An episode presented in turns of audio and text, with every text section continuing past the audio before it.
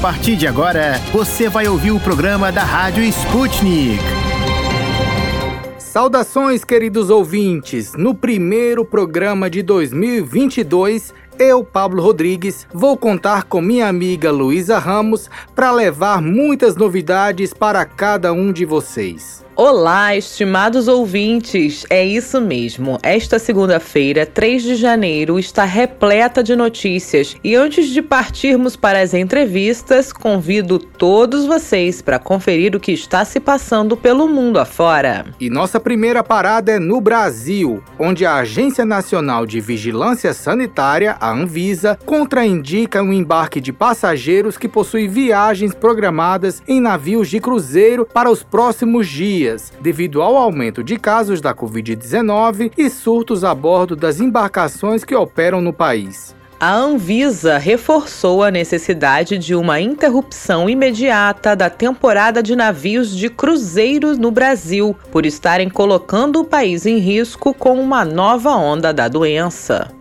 De acordo com a Agência Nacional de Vigilância Sanitária, o vírus SARS-CoV-2 se espalha rapidamente entre pessoas próximas a bordo de navios, sendo alta a chance de contrair Covid-19 em cruzeiros. Mas não são só navios que estão enfrentando dificuldades, Luísa. Tem razão, Pablo. No domingo, dia 2, quase 4 mil voos foram cancelados no mundo e metade dos cancelamentos aconteceu somente nos Estados Unidos. Unidos. Entre os principais motivos para os cancelamentos e atrasos estão o rápido avanço da variante Omicron e o mau tempo. De acordo com a Organização Mundial de Saúde, a OMS, o maior aumento percentual de casos da Covid-19 ocorreu nas Américas, com os Estados Unidos chegando a 1,2 milhão de novos casos, o Canadá a 80 mil e a Argentina a 66 mil. E ainda no domingo, dia 2, Israel anunciou que vai oferecer a quarta dose da vacina contra a Covid-19 para pessoas com mais de 60 anos e profissionais de saúde, tornando-se o primeiro país a aplicar de forma mais abrangente o segundo reforço contra a doença. Na madrugada desta segunda-feira, dia 3, o presidente Jair Bolsonaro deu entrada no hospital Vila Nova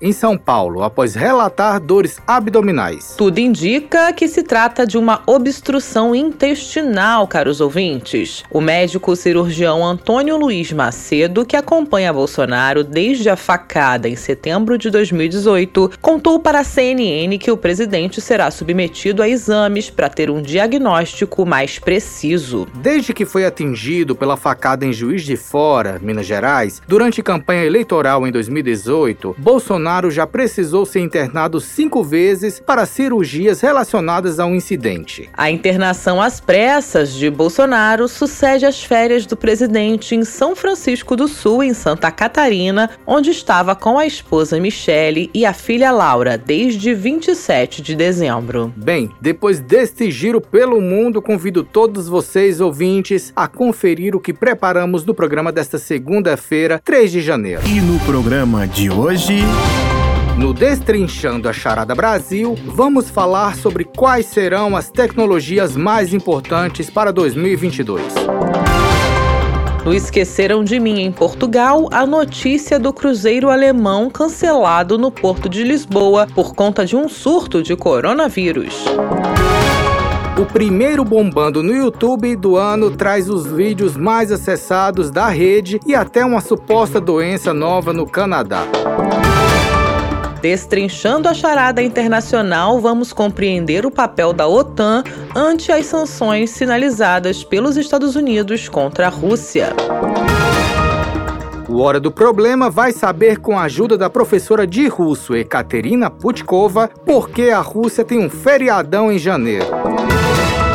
O Deu Russo, que é o nosso quadro de bizarrices da Rússia, vai contar como o Réveillon de uma família moscovita foi salvo por policiais e não por Papai Noel. Destrinchando a charada.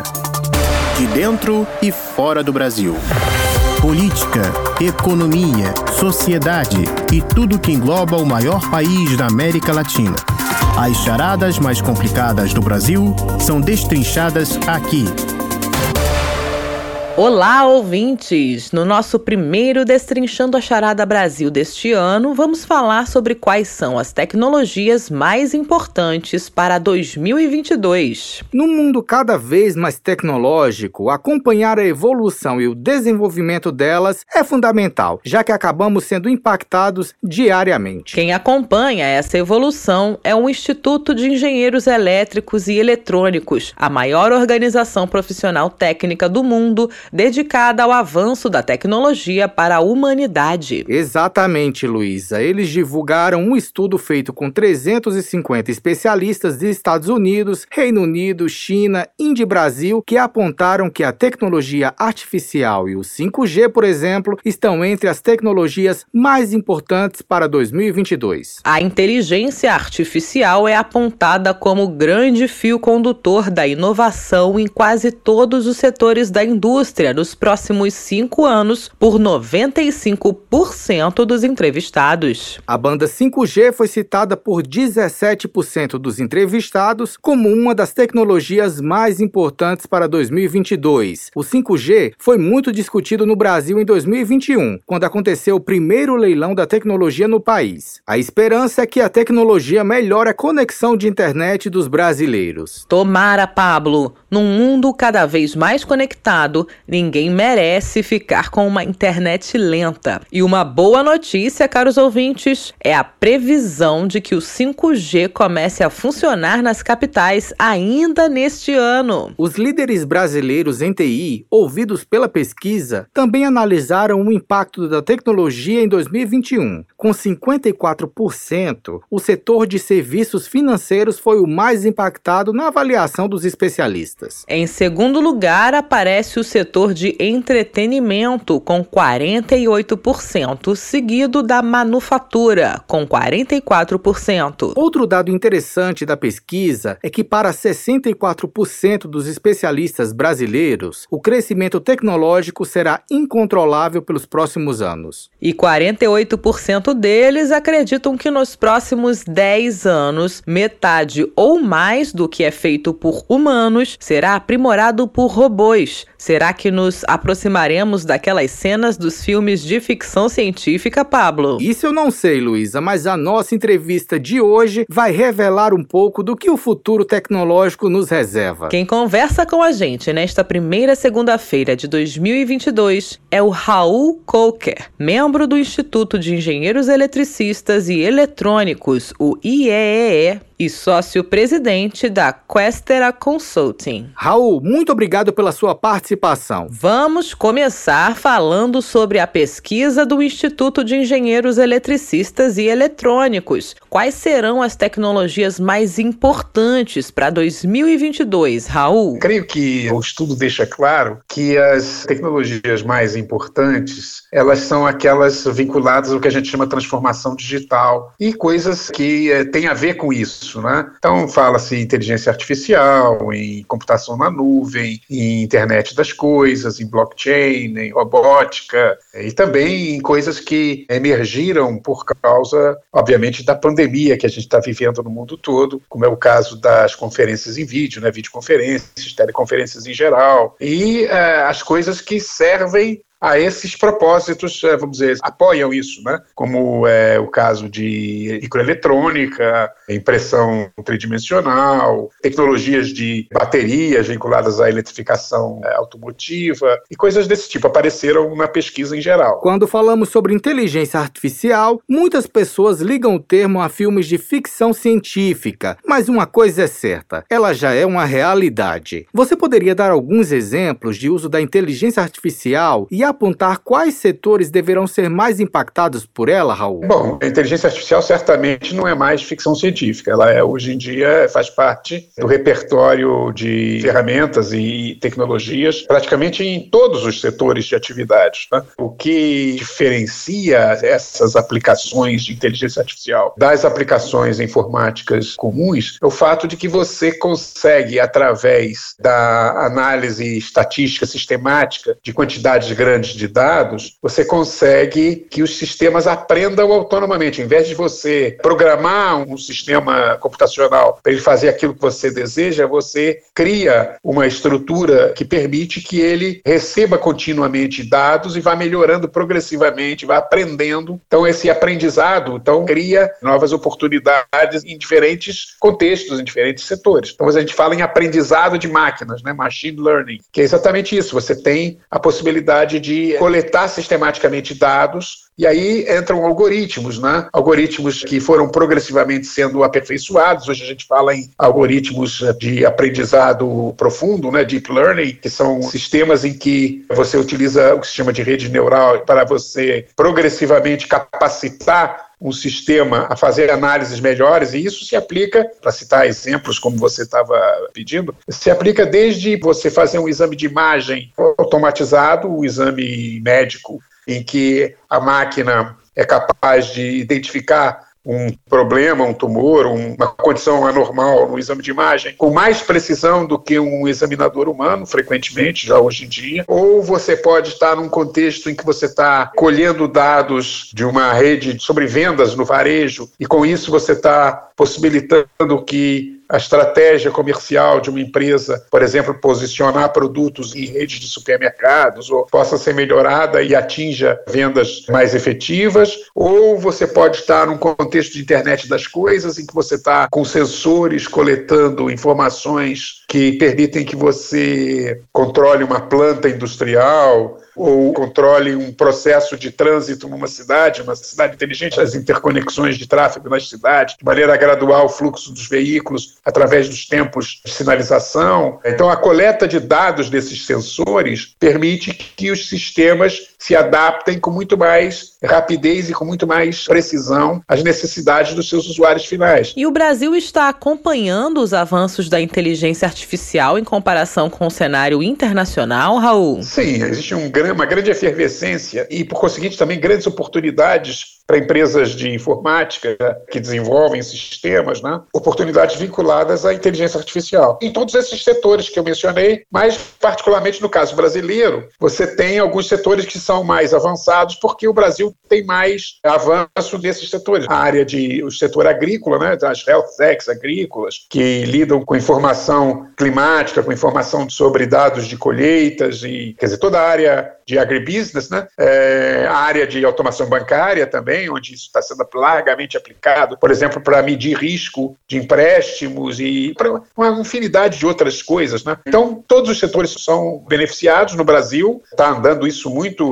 por exemplo, no setor de óleo e gás, Existe uma grande efervescência sobre a aplicação de sistemas de inteligência artificial para melhorar a efetividade da prospecção sísmica, para a busca de óleo, de gás. Né? Todos esses setores no Brasil estão sendo muito contemplados, e, é claro, alguns mais que outros em função do avanço da tecnologia no Brasil ser maior naqueles setores. Mas, em, em princípio, todos os setores estão, estão sendo bem contemplados no Brasil. Uma das tecnologias mais citadas por especialistas brasileiros na pesquisa foi a banda 5G. O Brasil teve recentemente recentemente o primeiro leilão da tecnologia em 2021 e a expectativa é que ele já esteja disponível nas capitais ainda neste ano. E aí, Raul, quais serão os setores mais impactados pelo 5G no país? O 5G, ele estabelece uma nova um ponto de inflexão na utilização de serviços de telecomunicações. Historicamente, a quinta geração, ela tem uma característica talvez peculiar, diferente, porque ela não só ela apresenta um aumento de velocidade velocidades de transmissão, quer dizer, ela tem potencial para aumentar bastante a velocidade, mas ela também aumenta outras características que são muito relevantes para algumas aplicações emergentes. Então, por exemplo, você tem o que se chama latência na rede. A latência é o tempo de reação, quer dizer, você está comunicando entre dois dispositivos, é o tempo de ida e volta na rede que é mais rápido, permitindo que os dispositivos possam ser operados de forma mais ágil, mais sensível. Então, vou dar um exemplo para você. Você está fazendo uma, uma cirurgia robótica remota. Uma cirurgia robótica remota é alguma coisa, o cirurgião opera um joystick ou um controle num ponto e um robô com uma pinça operando o paciente remotamente. Para que isso seja possível, o movimento do cirurgião remoto ele tem que ser transmitido instantaneamente. Senão o sistema fica instável. Ele não consegue reproduzir o movimento fino do cirurgião. Então é fundamental uma latência muito baixa na rede para que esse tipo de cirurgia seja possível, de forma segura, evidentemente. Né? Então existem aplicações que são melhoradas, existem aplicações que só se tornam viáveis com 5G. Mas o 5G, quer dizer, além disso, tem outras coisas, confiabilidade maior, um uso de espectro de frequências melhor, tem uma série de outras vantagens, que são, vamos dizer, do ponto de vista tanto das operadoras quanto dos usuários finais. Mas o que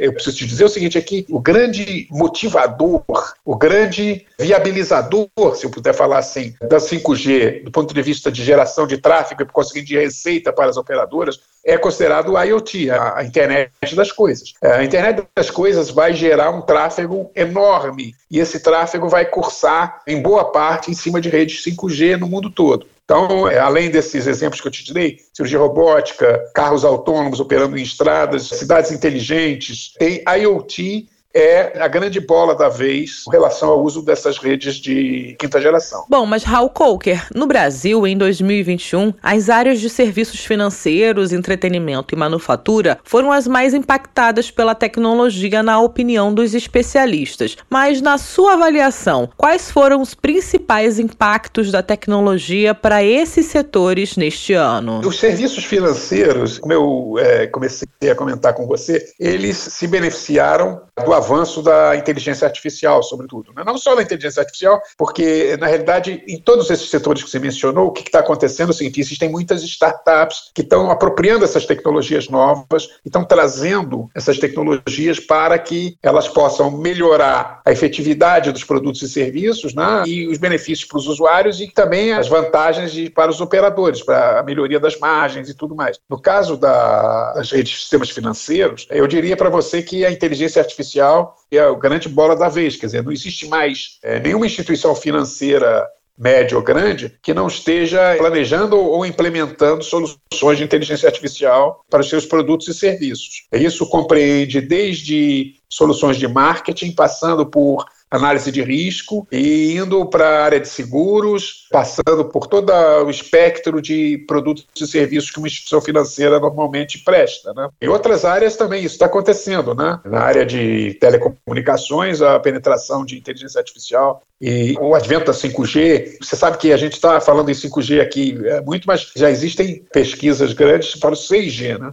Mas todas essas coisas, elas têm uma coisa em comum, que é o desejo de você criar soluções mais efetivas a partir das que já existem, ou viabilizar novas ofertas que não eram, que não eram viáveis previamente por limitações técnicas ou econômicas, às vezes. Então, tudo isso tem uma agenda técnico-econômica, e, consequentemente, gera questões em planos políticos, econômicos, regulatórios, e aí vai, quer dizer, todas essas tecnologias, elas ao lado delas terem grandes promessas, elas também trazem grandes desafios. Um ponto que chamou a atenção na pesquisa foi que para 64% dos líderes brasileiros, o crescimento tecnológico será incontrolável nos próximos anos, e 48% acreditam que nos próximos 10 anos, metade ou mais do que é feito por humanos será aprimorado por robôs. Isso sem dúvida dúvida, vai mudar a forma como grande parte das pessoas vivem. Quais seriam os desafios impostos por esse cenário? Um dos desafios que aparece claramente é a questão do emprego. Né? Eu tenho uma visão razoavelmente otimista dessa questão do emprego. Eu acho que a tecnologia não só destrói empregos, ela certamente destrói alguns empregos. Existem pesquisas sérias mostrando que esse processo de destruição de empregos vai se acelerar nos, nos próximos anos. Isso é uma grande ameaça, né? porque no passado, o que, que acontecia? Os, os empregos que estavam sendo destruídos destruídos, que estavam sendo tornados obsoletos, eles eram empregos vamos dizer, de tarefas repetitivas, mecânicas, que podiam ser facilmente substituídas por sistemas automáticos, etc. Mas agora,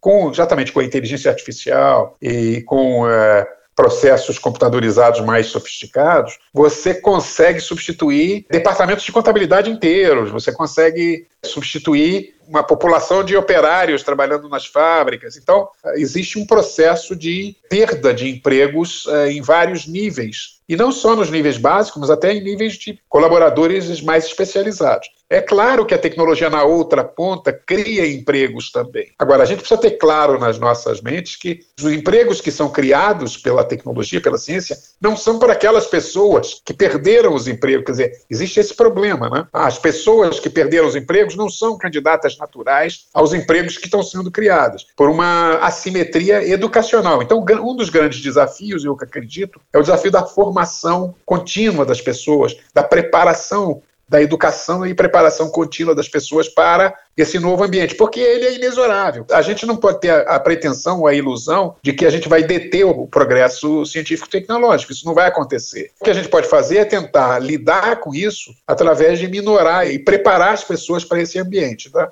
Através de processos tecnológicos, quer dizer, a própria educação sendo objeto de melhorias científico-tecnológicas, eh, através de processos regulatórios para minorar e moderar esse impacto dessas tecnologias, então tem toda uma série de dificuldades e desafios, mas isso faz parte, né? É, sem dúvida, algo que a sociedade precisa se preocupar. Raul, muito obrigada pela sua participação. Queridos ouvintes, este foi Raul Colker, membro do Instituto de Engenheiros Eletricistas e Eletrônicos e sócio-presidente da Questera Consulting. E o nosso Destrinchão da Charada Brasil de hoje, primeira segunda-feira do ano, fica por aqui, estimados ouvintes. Até a próxima.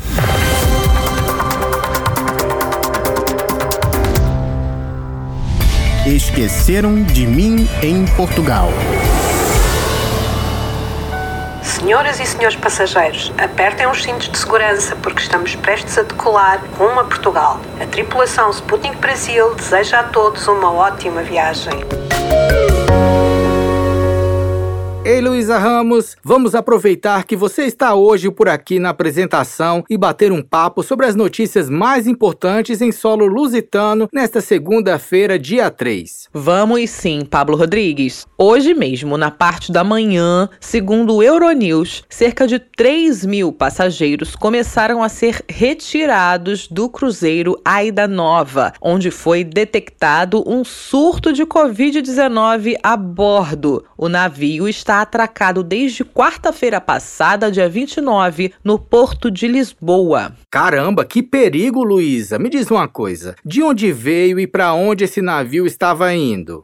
Não vai mais seguir viagem, não, certo? Pois é, Pablo. Era um cruzeiro de ano novo. O Aida Nova é um navio da Alemanha que começou com 4.197 passageiros a bordo e 1.353 tripulantes. O Aida Nova chegou a Lisboa no dia 29 de dezembro e tinha como destino final Lanzarote, uma ilha no arquipélago das Canárias, na Espanha, mas faria também uma passagem pelo pelo Funchal, na ilha portuguesa da Madeira, para ver os fogos de artifício na passagem de ano. Ou seja, já nem tem mais sentido continuar o passeio depois do susto. E quando estava prestes a partir, no domingo, dia 2, quando ainda havia planos de seguir viagem para Lanzarote, novos casos em mais oito tripulantes e quatro passageiros foram descobertos. Com isso, o aumento dos contágios de coronavírus fez o cruzeiro ser paralisado na capital portuguesa e acabou por ser cancelado. O comandante local da Polícia Marítima de Lisboa, Diogo Vieira Branco, disse à CNN CNN Portugal, aspas. Imediatamente, o navio acionou o protocolo da companhia. Estes elementos foram todos isolados e cumprem quarentena a bordo. Na sequência disso, a companhia entendeu terminar o cruzeiro, porque estava irremediavelmente comprometido. Quantas pessoas estavam a bordo e quantos infectados foram descobertos, Luísa?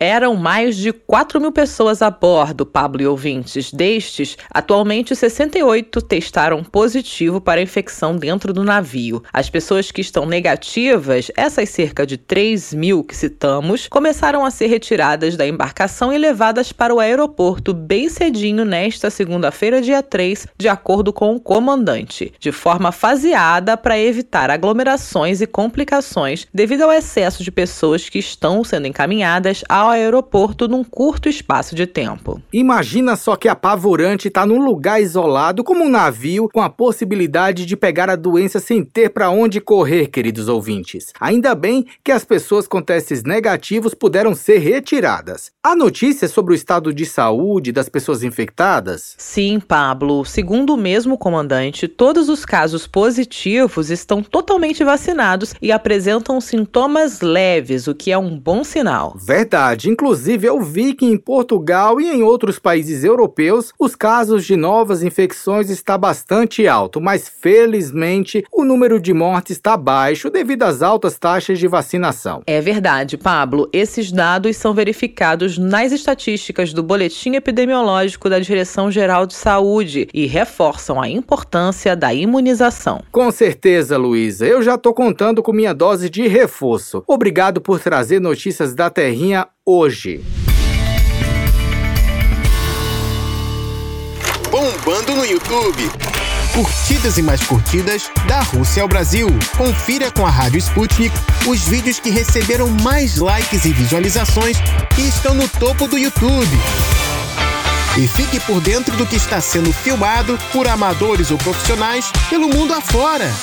Olá, estimados ouvintes, eu tenho certeza de que vocês passaram um fim de semana esperando por este momento. O primeiro bombando no YouTube de 2022. Eu já estava ansiosa para saber as novidades do ano novo. Chega mais, Tito da Silva. Quais são os vídeos mais impressionantes de hoje? Olá, amigos da Rádio Sputnik. Eu sou Tito da Silva e trago para vocês o primeiro bombando no YouTube de 2022, com vídeos bem bacanas desta segunda-feira, 3 de janeiro. E no primeiro vídeo da lista, uma doença estranha e mortal está intrigando canadenses, em particular na província de New Brunswick. De acordo com uma reportagem do jornal britânico The Guardian, uma fonte de saúde local informou que várias pessoas, em particular jovens adultos, têm sofrido alucinações, insônia e outros sintomas. Embora não tenha nome específico e não seja reconhecido como uma doença, o problema de saúde que se tornou público em 2021 e já teria cerca de 150 casos poderia ser transmissível, visto que ele se apresentou em pessoas que antes tiveram contato com outras que passavam pelo problema. A reportagem ressaltou que oito pessoas também já teriam morrido da estranha doença que não tem uma razão ainda explicada. Para obter maiores detalhes, é só você assistir ao vídeo assistindo no YouTube. Alucinações e insônia. Desconhecida doença mortal está se espalhando pelo Canadá, diz mídia.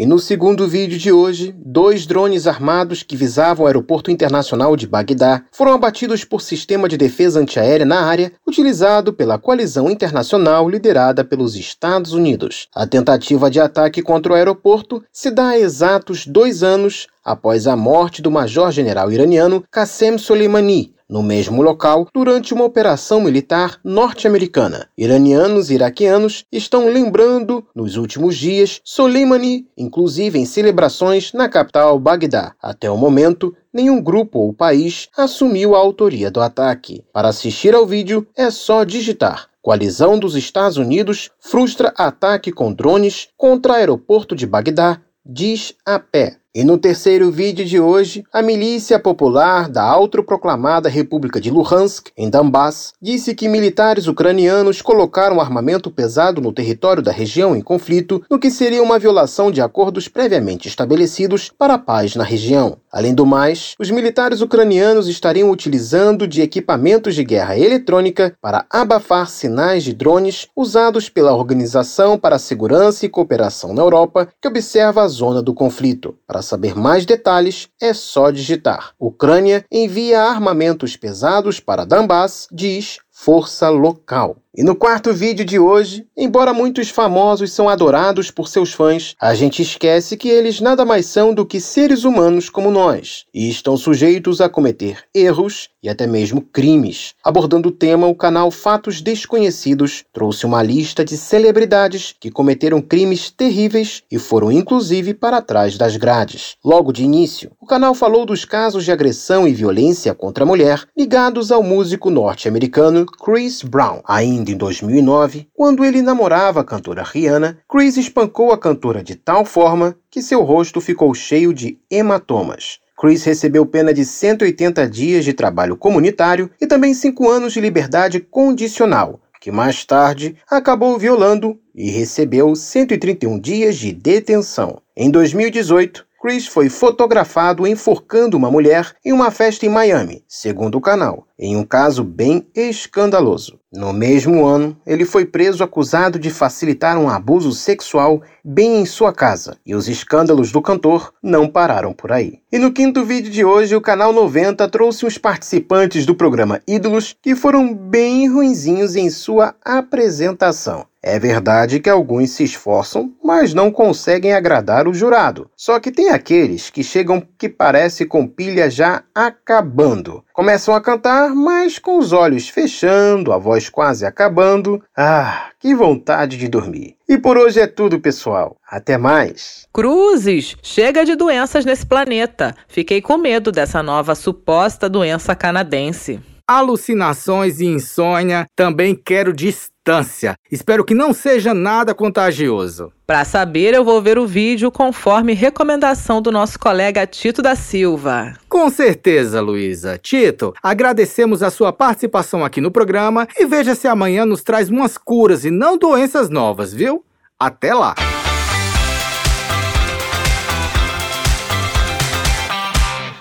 Destrinchando a charada. Encruzilhada Internacional. Relações políticas, socioeconômicas e muito mais entre as nações deste mundão.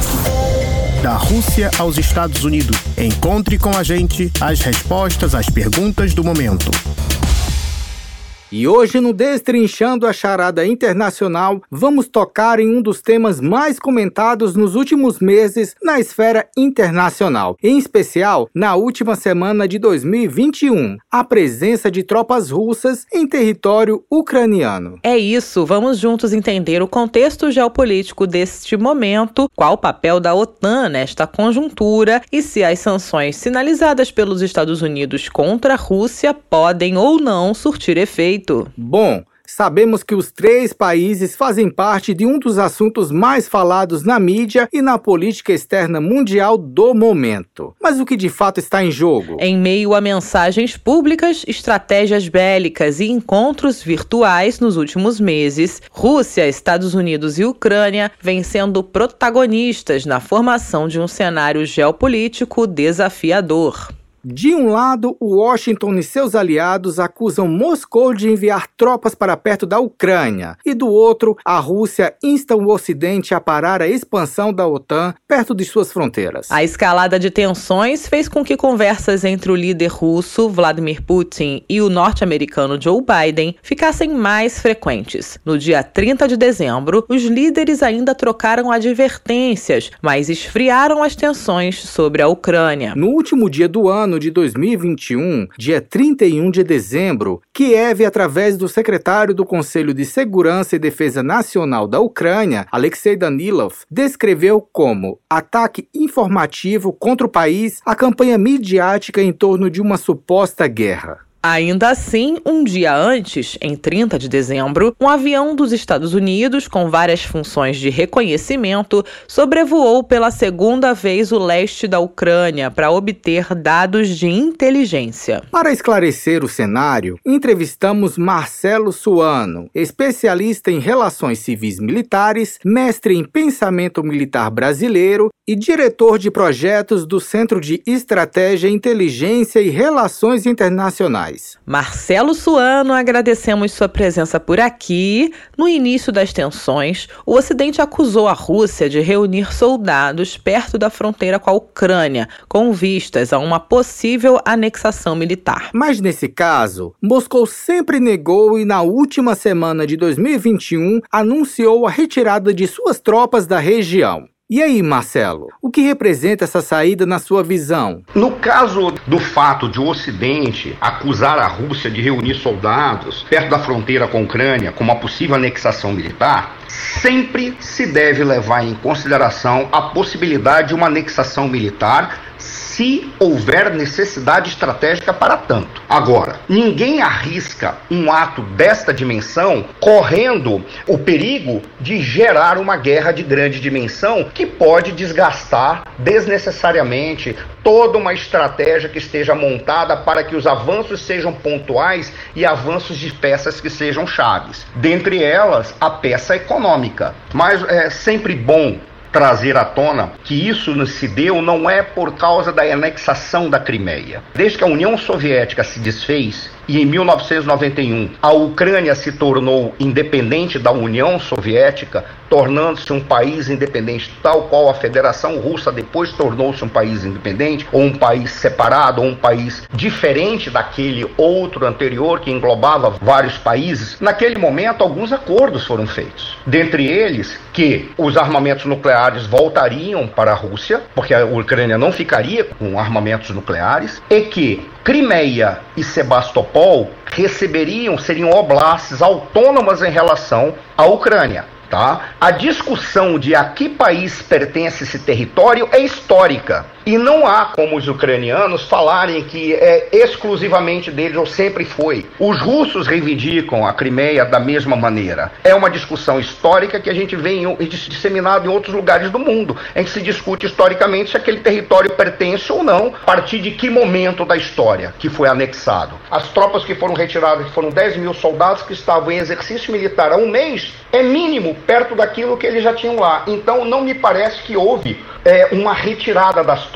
O que me parece foi uma retirada de parte das tropas que tinham feito treino, mas que pode significar um movimento de peças da Rússia para dizer: tudo bem, vocês estão querendo conversar, então vamos conversar. Isso me parece apenas um movimento estratégico e não uma retirada é, de tropas da região. Mesmo porque a Rússia não tem por que retirar tropas dali está no seu território, está conversando com aliados e, queira ou não queira, está na lógica do confronto para possíveis embates, em que um país tem que preparar suas tropas para qualquer tipo de invasão. Anteriormente, na mídia surgiram informações de que o Ocidente está discutindo uma série de sanções contra a Rússia relacionadas à Ucrânia. Entre as possíveis restrições, falou-se da desconexão da Rússia do sistema de pagamentos SWIFT, que é o Sistema Interbancário Internacional de Transferências. Na sua análise, Marcelo, a Rússia pode ter tomado esta atitude de retirada das tropas também por algum receio das ameaças de sanções financeiras, principalmente? A questão das sanções que o Ocidente tem feito ou ameaçado a Rússia, não tem feito, né? Algo tem outras ameaças, na realidade é isso. Ela se coloca, dentro da minha perspectiva,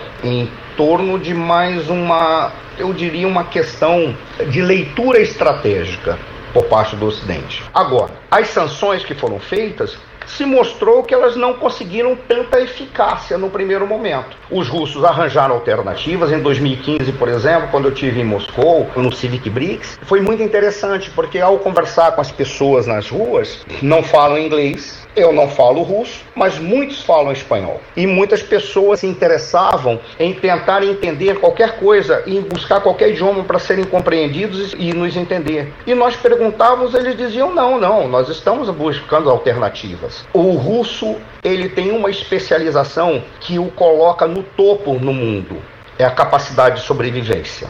Então, eu acho que é uma grande bobagem ficar jogando sanções e fazendo ameaças. Nesse momento, quais são as ameaças que se vê? Mais sanções econômicas e, dentre elas, afastar a Rússia do sistema interbancário internacional de transferência, que é o SWIFT, né? na sigla em inglês. Outras alternativas serão criadas e, muito dificilmente, eu acho que instituições financeiras que tenham a preocupação de sobreviver, ganhar dinheiro, vão isolar um país que tem a quantidade de gás para fornecer, tem petróleo, tem área cultivável e, além disso, o mercado consumidor interessante.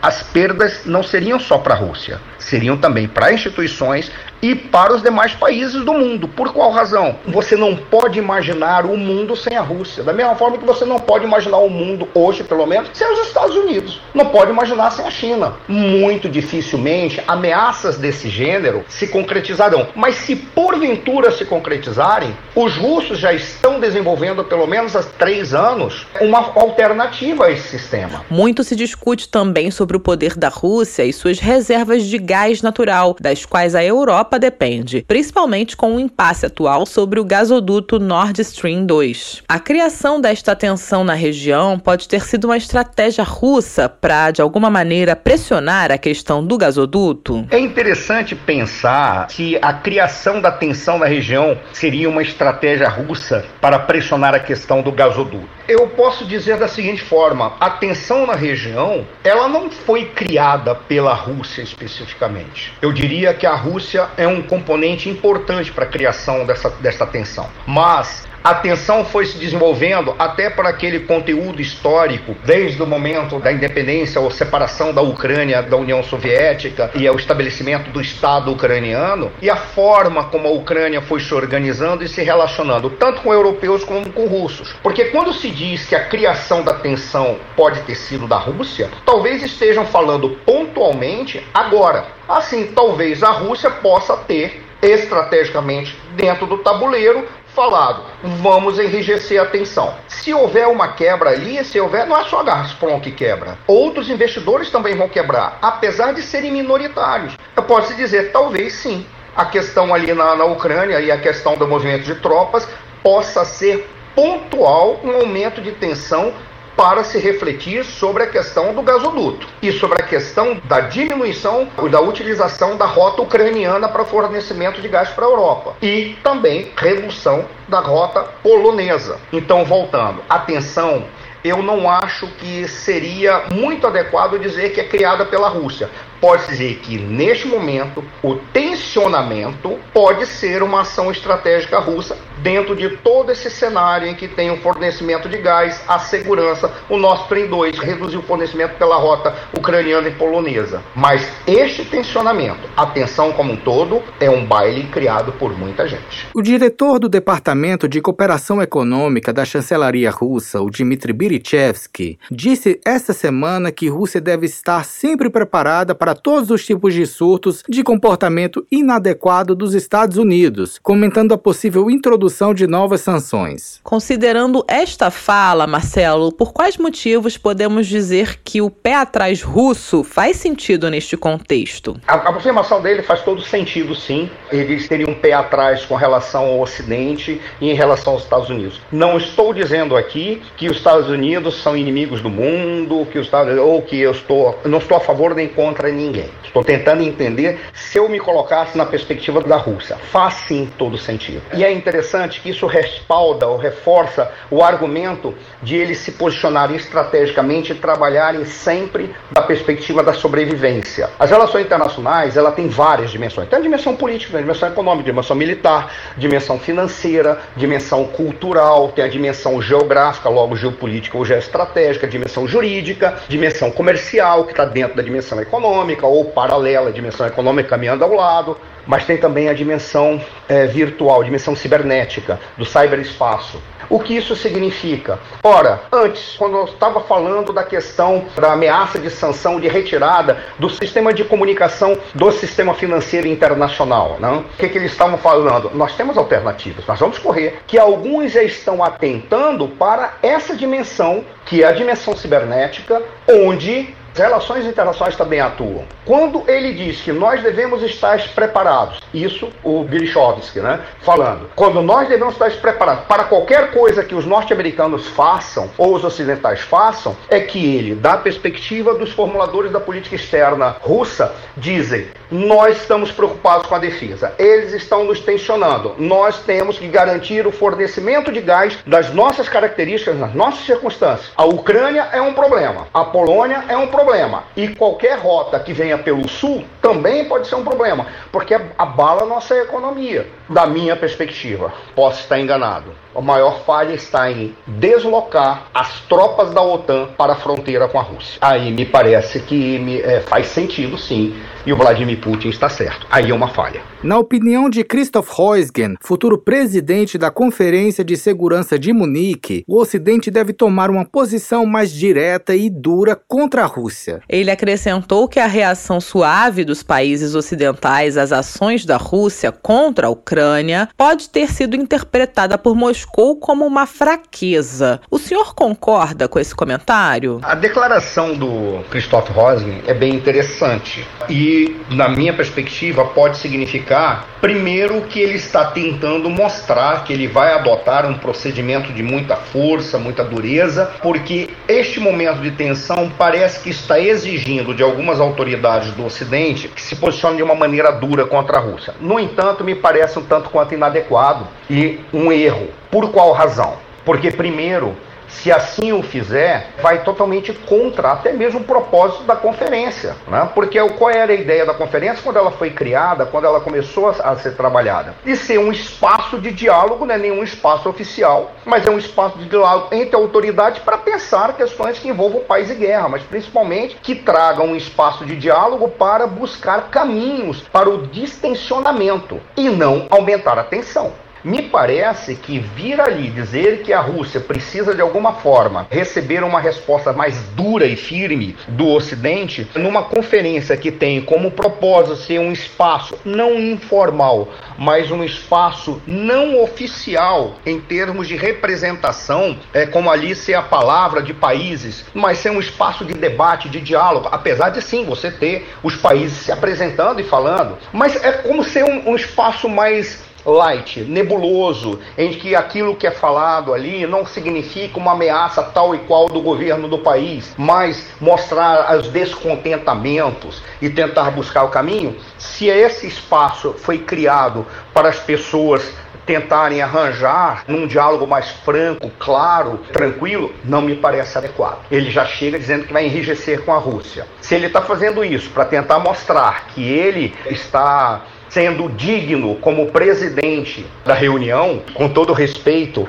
por mais que seja uma reunião de lideranças, a Conferência de Segurança de Munique, tratando de questões que envolvem Forças Armadas e buscando seu espaço de diálogo, com todo respeito, não é para você fazer ameaça. Em meio à contínua escalada de tensões entre Moscou e Kiev, Estados Unidos vão financiar projetos que incluem equipamentos de vigilância e monitoramento para fortalecer as fronteiras com países vizinhos, mesmo após o anúncio da retirada das tropas da fronteira. Podemos falar em provocação neste caso? A questão dos projetos, tanto os três países, Rússia, Ucrânia e Estados Unidos, de projetos que, de vigilância e monitoramento para fortalecer as fronteiras com os países vizinhos, aí não seria nem provocação, não. Seria mesmo garantir uma política de segurança, tá? Está dentro da lógica de uma política de segurança. Agora, por qual razão insistirem nisso ou aumentarem os investimentos para tanto, é porque não há confiança entre as partes. E as partes insistem em tensionar cada vez mais os relacionamentos,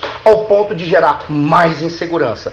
Gerou mais insegurança, necessita de mais investimentos em política de segurança. E no caso, esses investimentos de monitoramento, vigilância, está dentro da lógica de política de segurança. O aumento decorre da desconfiança mútua o que mostra as perdas de oportunidade. Por exemplo, a conferência que vai ter agora em 2022. A conferência, ao invés de ir para dialogar, já vai o Christoph Rosgen dizendo que vai lá endurecer com a Rússia, que é a Conferência de Segurança de Munique. Mais uma vez, é uma perda de oportunidade. Ora, quando se perde oportunidade para o diálogo, você gera mais, mais desconfiança. Aumenta os investimentos em política de segurança. E nesse sentido, esses equipamentos de vigilância e monitoramento, eu diria até que não são, eles não são apenas necessários. É até bom que sejam feitos aumento nesses equipamentos, porque assim você pode trazer dados confiáveis e transparentes que podem disseminar para o mundo. E aí é obrigatório que o diálogo seja um diálogo transparente, mesmo que seja um diálogo rígido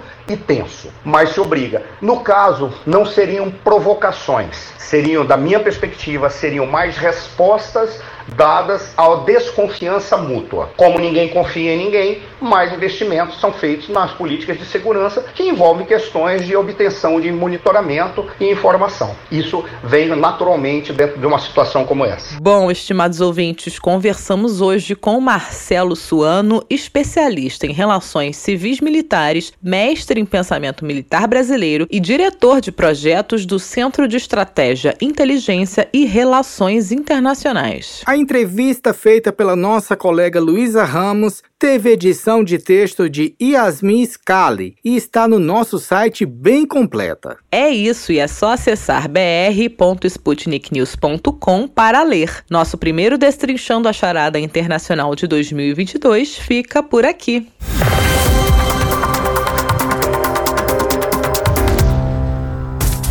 Hora do problema. Sabe aquela história que é melhor nem contar de tão complicada que é? Perrengue na Rússia, sufoco no Brasil e muito mais. Sente aí que lá vem história. Luísa, você sabia que a Rússia já começa o ano com feriadão? Não, não sabia não, Pablo. Mas é por causa do Réveillon? Lu, Vamos começar do começo. Eu acho que vale a pena contar um pouco da história do feriado. Então, a Rússia comemora o Ano Novo no dia 1 de janeiro desde 1699, quando o imperador Pedro o Grande, tentando aproximar os russos das tradições europeias, decidiu mudar a data de comemoração do Réveillon, que antes era comemorado em 1 de setembro. Nossa, Pablo, nem passou pela minha cabeça que antes os russos comemoravam o Ano Novo em setembro setembro. E antes de comemorarem em 1 de setembro, o Ano Novo era comemorado em 1 de março pelos russos. Acredita? Bem, a história da Rússia é longa e as comemorações de Ano Novo aconteciam em outros meses porque os russos seguiam outros calendários, não o que é usado agora, o gregoriano. Mas quando surgiu o feriadão de janeiro na Rússia? O feriado foi ganhando força aos poucos, Luísa. Por exemplo, em 2004, ao Código do Trabalhador da Rússia foi adicionada a emenda que dava direito aos russos a ter cinco dias de feriado, do dia 1 ao dia 5 de janeiro. E se contar com o dia 7, que já era feriado por causa do Natal Ortodoxo, então eram seis dias. Daí os anos foram se passando e ao feriado foram adicionando mais dias até chegar aos oito. Que interessante, Pablo. Imagina só, ouvintes, começar o ano já com um feriadão de 10 dias. E para saber o que os russos geralmente fazem nos primeiros dias do ano, vamos bater um papo com a professora de russo Ekaterina Putkova, que mora no Brasil. Olá, Ekaterina. Você poderia contar para os nossos ouvintes em que estado brasileiro vive? Oi, gente, tudo bem com vocês? Meu nome é Ekaterina, eu sou russa e eu sou professora de russo e moro aqui no Brasil, na verdade, no sul do Brasil, na Paraná, e trabalho como professora dando aulas para os brasileiros de russo aqui. E Katrina, há quanto tempo você mora no Brasil e em que cidade do Paraná? Moro aqui no Brasil já há quase dois anos. No fevereiro vai bater dois anos. E moro no interior do Paraná, numa cidade pequena que se chama Francisco Beltrão. Um abraço para os ouvintes de Francisco Beltrão. Ekaterina, você poderia explicar para os nossos ouvintes como os russos dividem as comemorações que entram neste feriadão? Na Rússia, nós temos uma lei, um direito que fala que a gente pode descansar oito dias depois do ano novo. Então a gente descansa de 1 de janeiro até janeiro 8, que a férias de ano novo, justamente por causa que ano novo 31 de dezembro, e depois até dia 6 é férias de ano novo. Dia 7 já Natal ortodoxo e dia 8 depois do Natal. Então a gente tem férias muito, muito longos e ainda tinha as anos que dia 9 e 10 caíram no dia de final de semana. Então tinha anos quando a gente descansou a partir de 1 de janeiro até dia 10. Então, no janeiro nós temos um férias muito legais, muito longos. E o que geralmente os russos fazem nesses dias de descanso? Geralmente, na férias, dado novo, a gente descansamos, vamos visitar nossos uh, parentes, ou parentes vão à nossa casa. Tem gente que vai para a casa do campo, que fica fora da cidade. A gente chama de datia, fazendo churrasco lá, aproveitando. E a gente só descansa esses dias mesmo. Passeamos e geralmente nesses dias também tem muitas atrações legais na praça principal das cidades. Então a gente só passeamos, comemos bastante. Nesses dias, especialmente, a gente come comida que sobrou do ano novo, porque a gente cozinhamos muita, muita comida mesmo para ano novo, para que depois a gente pode comer o resto esses dias de férias. Se no Brasil não temos um feriadão em janeiro, pelo menos temos o feriado do Carnaval. E Caterina, muito obrigada por contar um pouco sobre como os russos aproveitam o feriadão de janeiro. Tivemos o prazer de bater um papo com a professora de russo Ekaterina Putkova, queridos ouvintes. Muito obrigada para vocês, gente. Desejo para vocês feliz ano novo e desejo tudo de bom para vocês. Muito obrigada. Tchau. Quem quiser aprender russo ou então ficar por dentro dos costumes russos, é só conferir o Instagram dela, Ekaterina underline PCHK. Ekaterina com K, hein, pessoal? Lá a Ekaterina dá receitas russas, conta fatos curiosos do seu país natal e muito mais.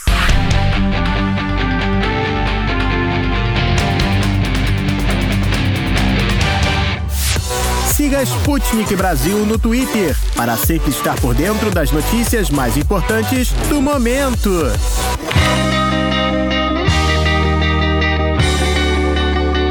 Deu Russo. De notícias bizarras do Brasil já estamos mais que saciados. E as bizarrices que acontecem na Rússia, hein? É outro nível, rapaziada. Ih, deu russo!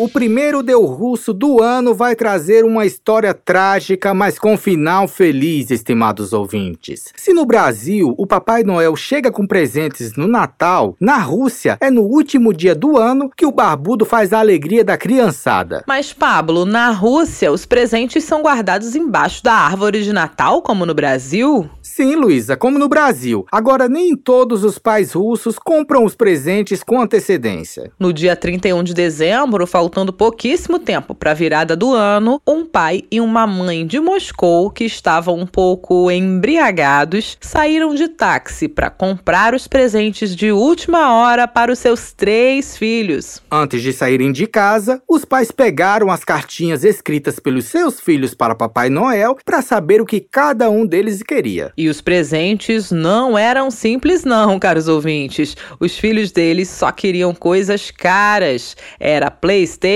e muito mais. Fazer o que, não é mesmo, ouvintes? Os pais decidiram comprar o que cada um dos filhos queria, sem dar importância para o preço dos mimos. Daí, o pai e a mãe decidiram se dividir para comprar os presentes. A meta era conseguir voltar a tempo para casa para colocar os presentes debaixo da árvore de Natal sem que os filhos percebessem. Até porque os presentes são do Papai Noel e não deles, não é? A correria foi grande, mas a meta de comprar todos os presentes que estavam escritos nas cartinhas foi atingida. Agora só precisavam voltar para casa e com pressa. Como o papai e a mamãe já tinham tomado uns drinks, nada de voltar dirigindo para casa. Eles resolveram pegar um táxi e foram rezando para chegar a tempo. Faltando só uma horinha para o ano novo, o táxi chegou ao destino. Os pais saíram correndo do carro e entraram em casa aliviados. Ainda dava tempo para colocar os presentes debaixo da árvore de Natal como planejado. Mas cadê os presentes? Os dois saíram com tanta pressa do táxi que acabaram esquecendo as sacolas dentro do carro. Ligaram para o taxista na hora e nada do taxista responder. A missão de conseguir os presentes de volta parecia ser impossível, caros ouvintes. Só que daí, o pai das crianças decidiu ligar para a polícia. Vai lá que os policiais poderiam ajudar, não é mesmo? O pai contou tintim por tintim do que aconteceu e explicou que seus filhos queriam muito receber os presentes. A história tocou tanto os policiais que a missão de achar o taxista ganhou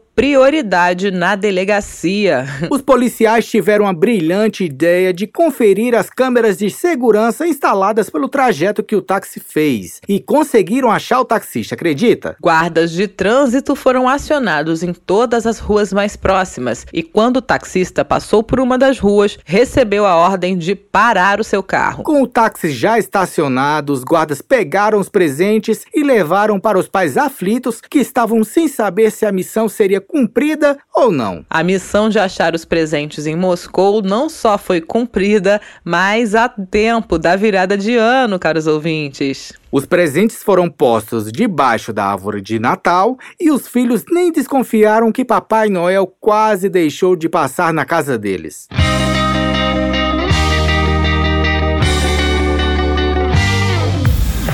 Não se esqueça de ler, curtir e comentar nossas matérias no site br.sputniknews.com. Hora de dar tchau.